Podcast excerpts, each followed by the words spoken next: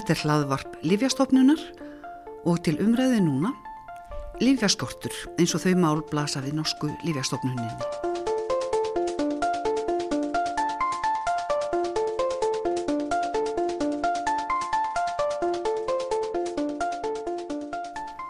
Umræða um Lífjaskort hefur verið talsvert ábyrjandi í íslenskum fjölmiðlum síðustu misseri. Spurt hefur verið um ástæður og úrræði og stundum látið að því líka um sér íslenskan vanda sé að ræða.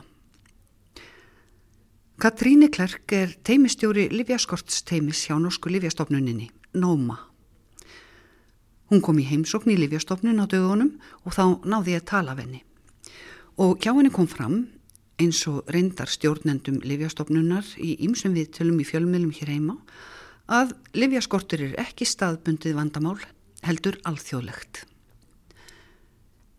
Ég nefndi fyrst við Katríni að daginn snemma í mæ sá ég á vefforsíðu NÓMA, Norsku livjastofnunarinnar, þar sem alla jafna sjást sex fréttir, að fimm þeirra vorum um livjaskort.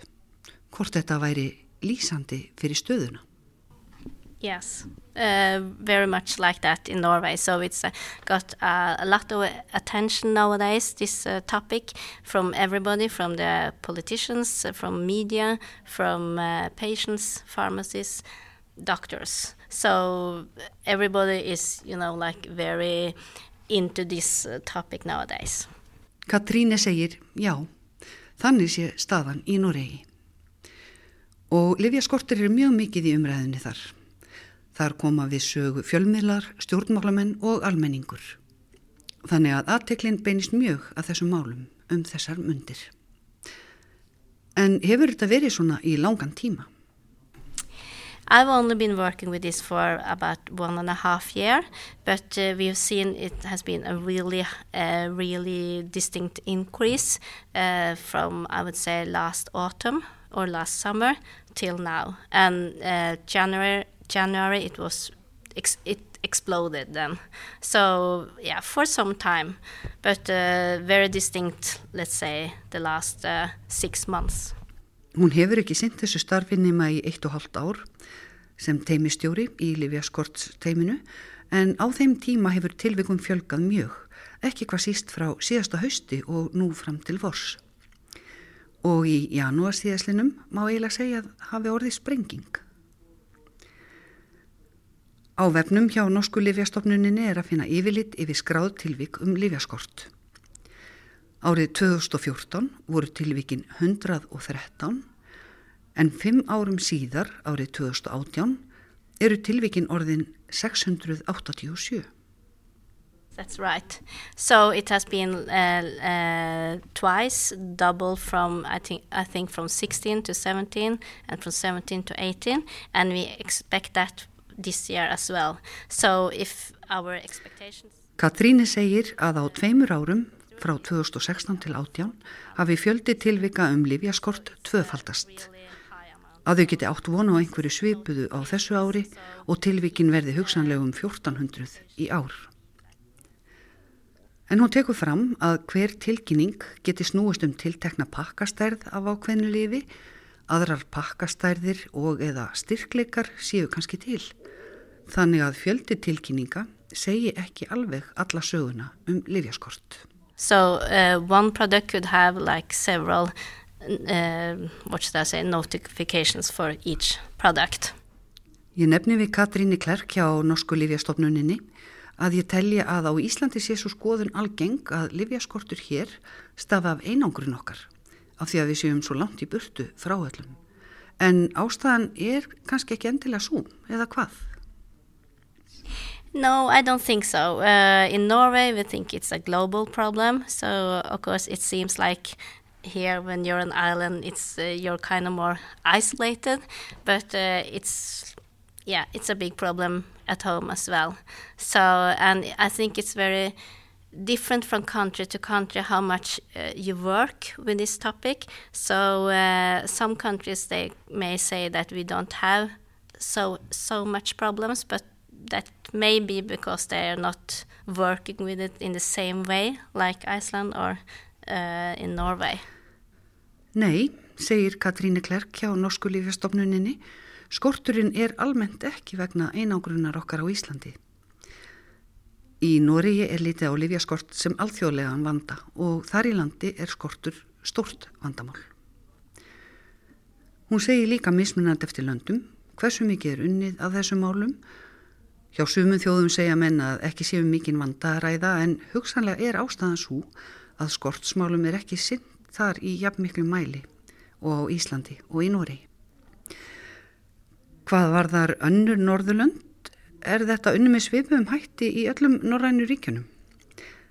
Nei, segir hún, þið hjá Livjastofnun hafi leitað nokkuð til svíþjóðara fyrirmynd og þessi þrjú lönd taka nokkuð svipað á málum.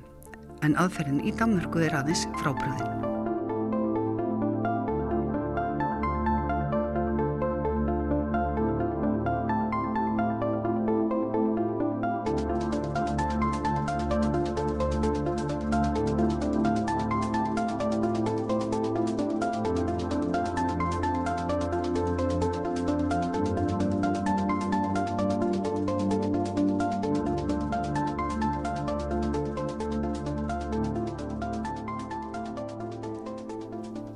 En hvað er hægt að gera til að breyta þessu með livjaskortin, til að draga úr livjaskorti?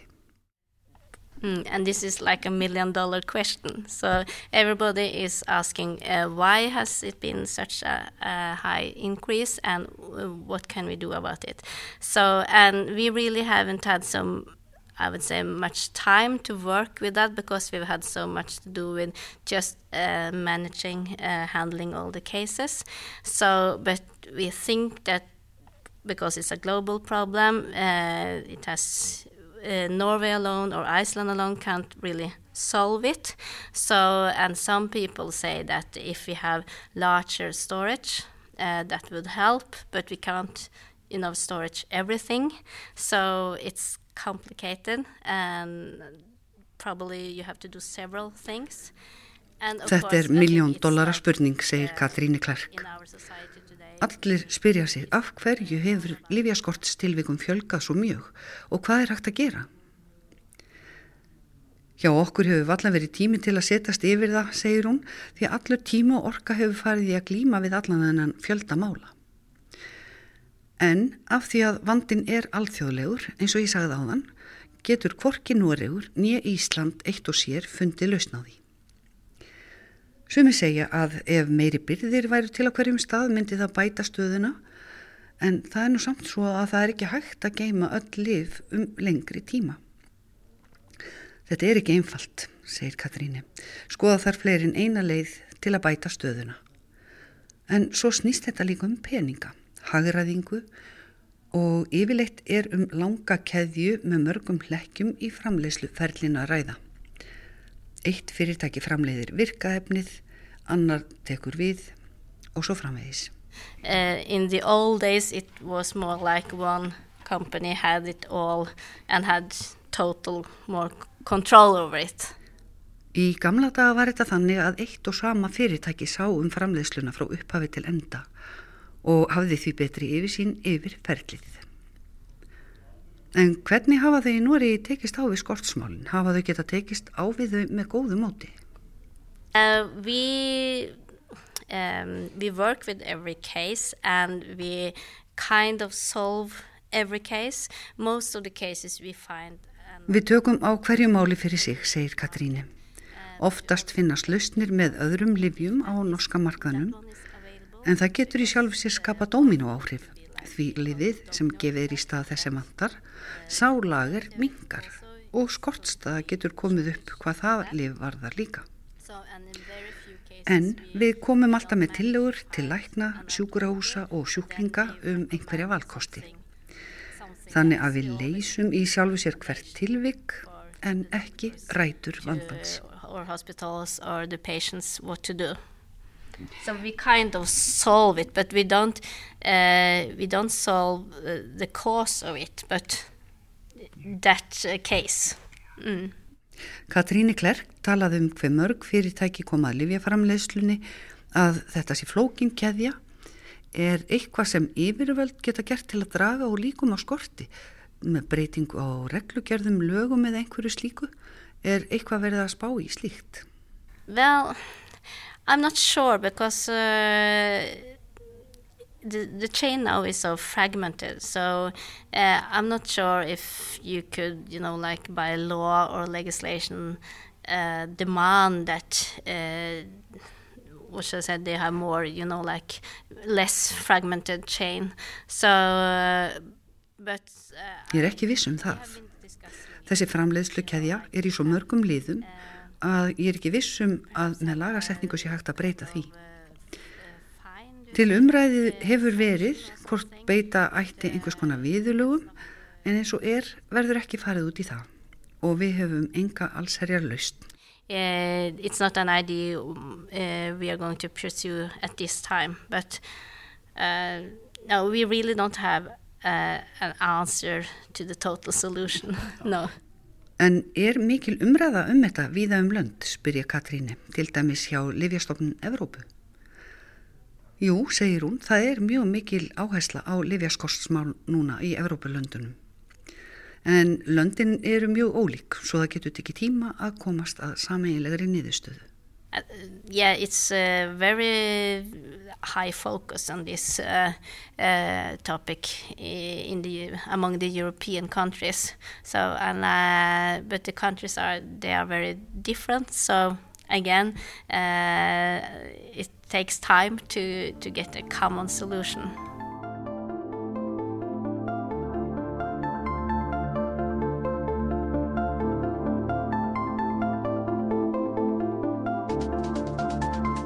Þetta var Katríni Klerk, teimistjóri Livjaskorts teimis hjá Norsku Livjastofnuninni, NOMA. Þá verður þetta ekki meira að sinni. Takk fyrir að hlusta á hlaðvarp Livjastofnunar.